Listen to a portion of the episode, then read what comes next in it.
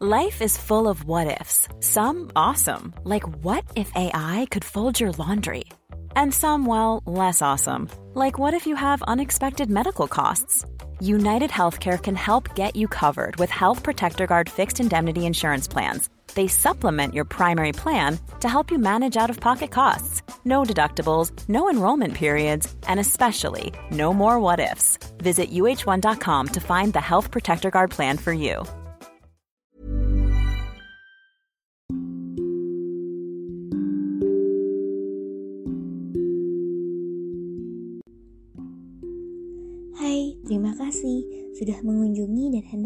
Mendengarkan podcast Dongeng Tidur.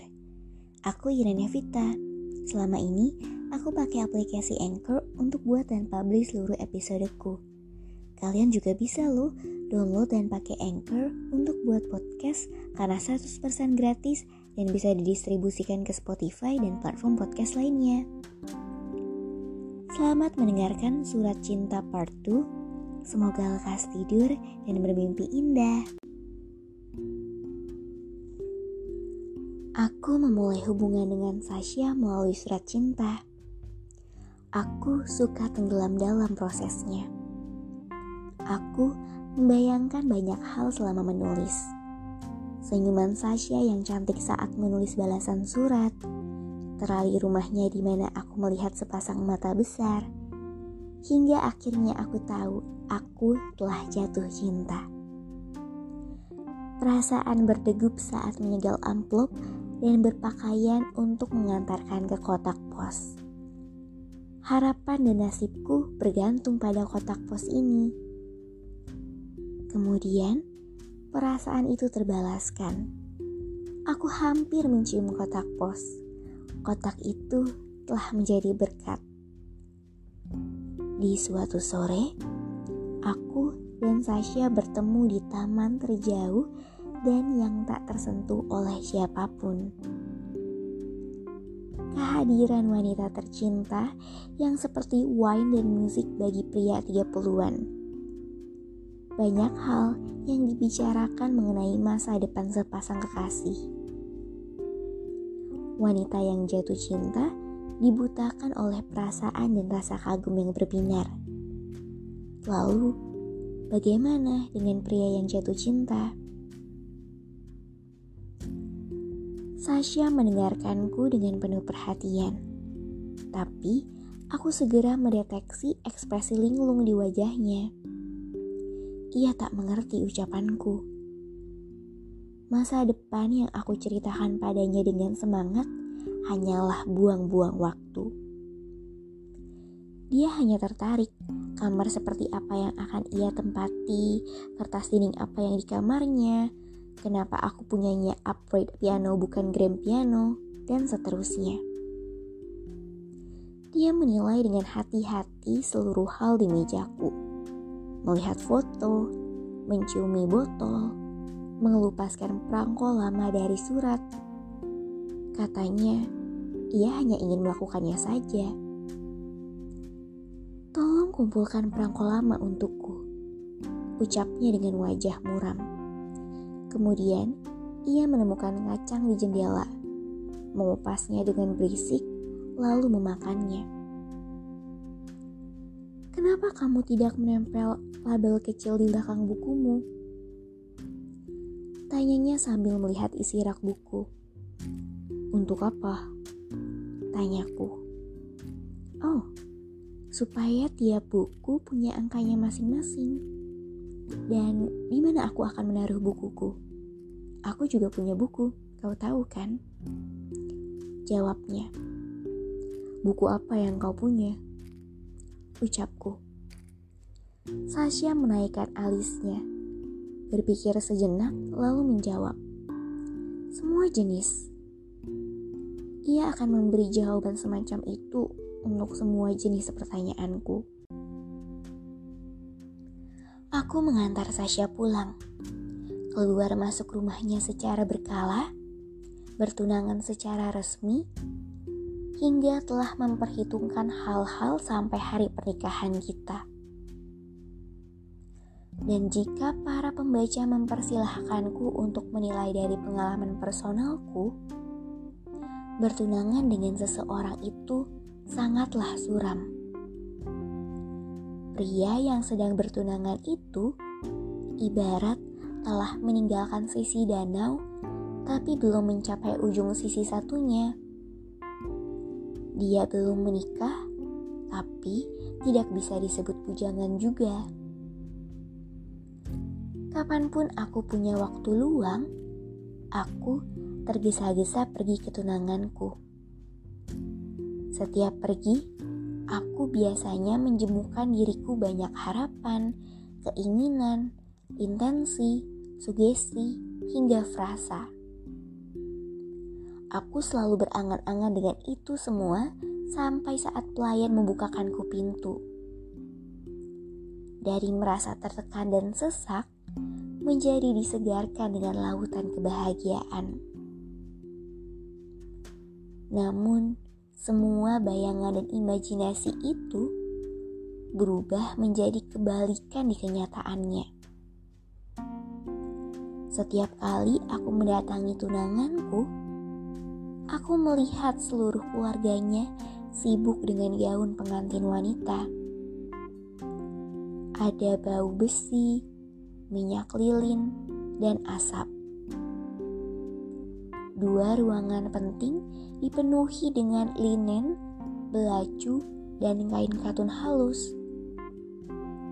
Semua pesta jahit menjahit ini menyambutku dengan tangisan kegembiraan dan sekali membuatku ke ruang makan di mana aku tidak bisa menghalangi mereka juga melihat hal yang hanya seorang suami boleh miliki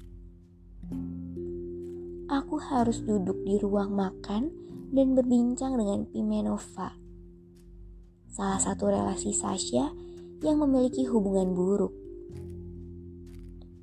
Sasha melihat dengan khawatir dan antusias, lalu berlari ke arahku dengan sarung jahit untuk menjahit. Tunggu, tunggu, hanya beberapa menit. Itu yang dia katakan ketika aku menaikkan mata memohon kepadanya. Stepanida merusak korset dari gaun barrage. Ucapnya menjelaskan.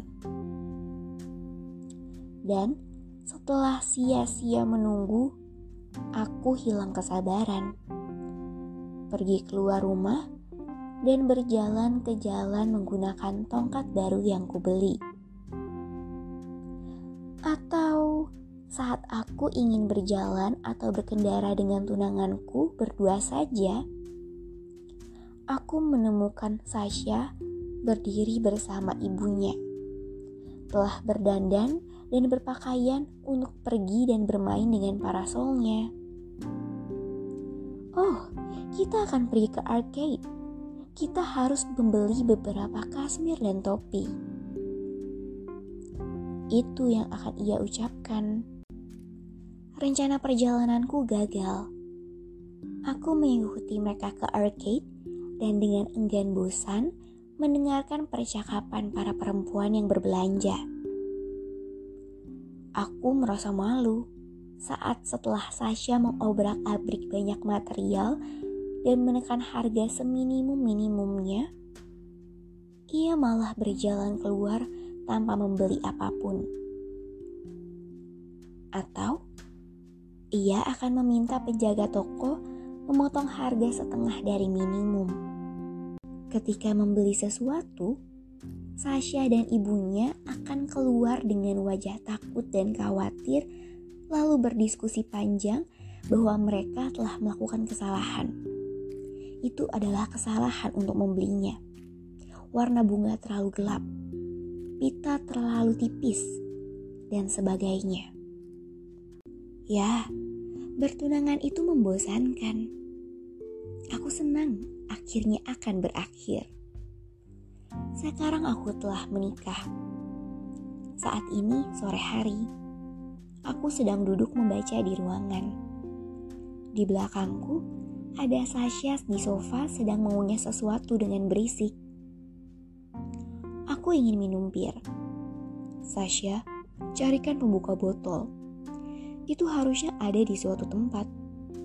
Ucapku. Sasha beranjak melompat, menggeledah acak tumpukan kertas, menjatuhkan korek api tanpa menemukan pembuka botol, lalu duduk diam.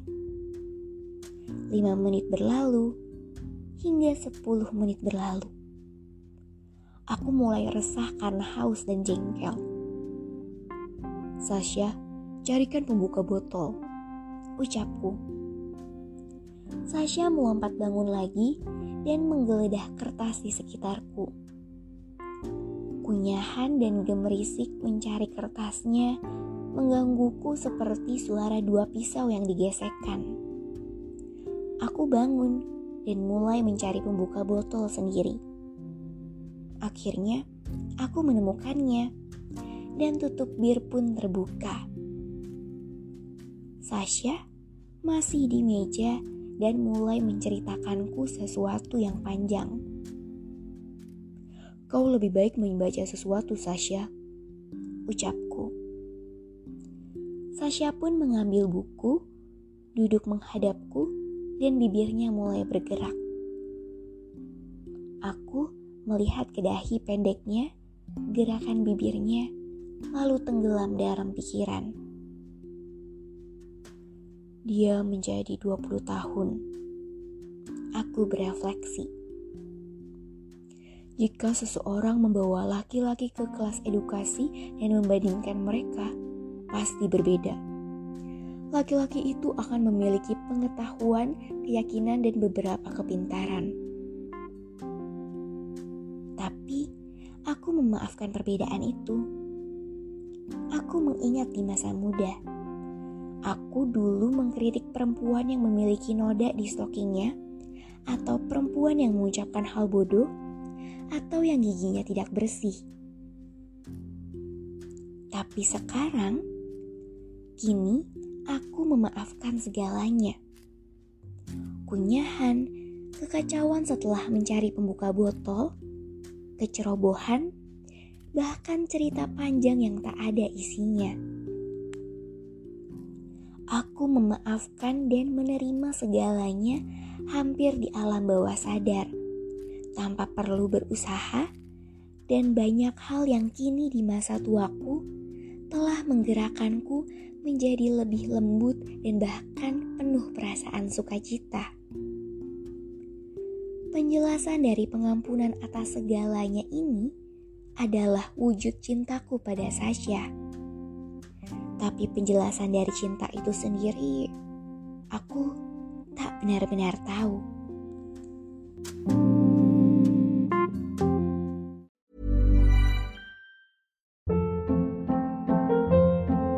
Hold up. What was that? Boring. No flavor. That was as bad as those leftovers you ate all week. Kiki Palmer here, and it's time to say hello to something fresh and guilt-free. Hello Fresh. Jazz up dinner with pecan-crusted chicken or garlic butter shrimp scampi. Now that's music to my mouth. Hello Fresh. Let's get this dinner party started. Discover all the delicious possibilities at hellofresh.com.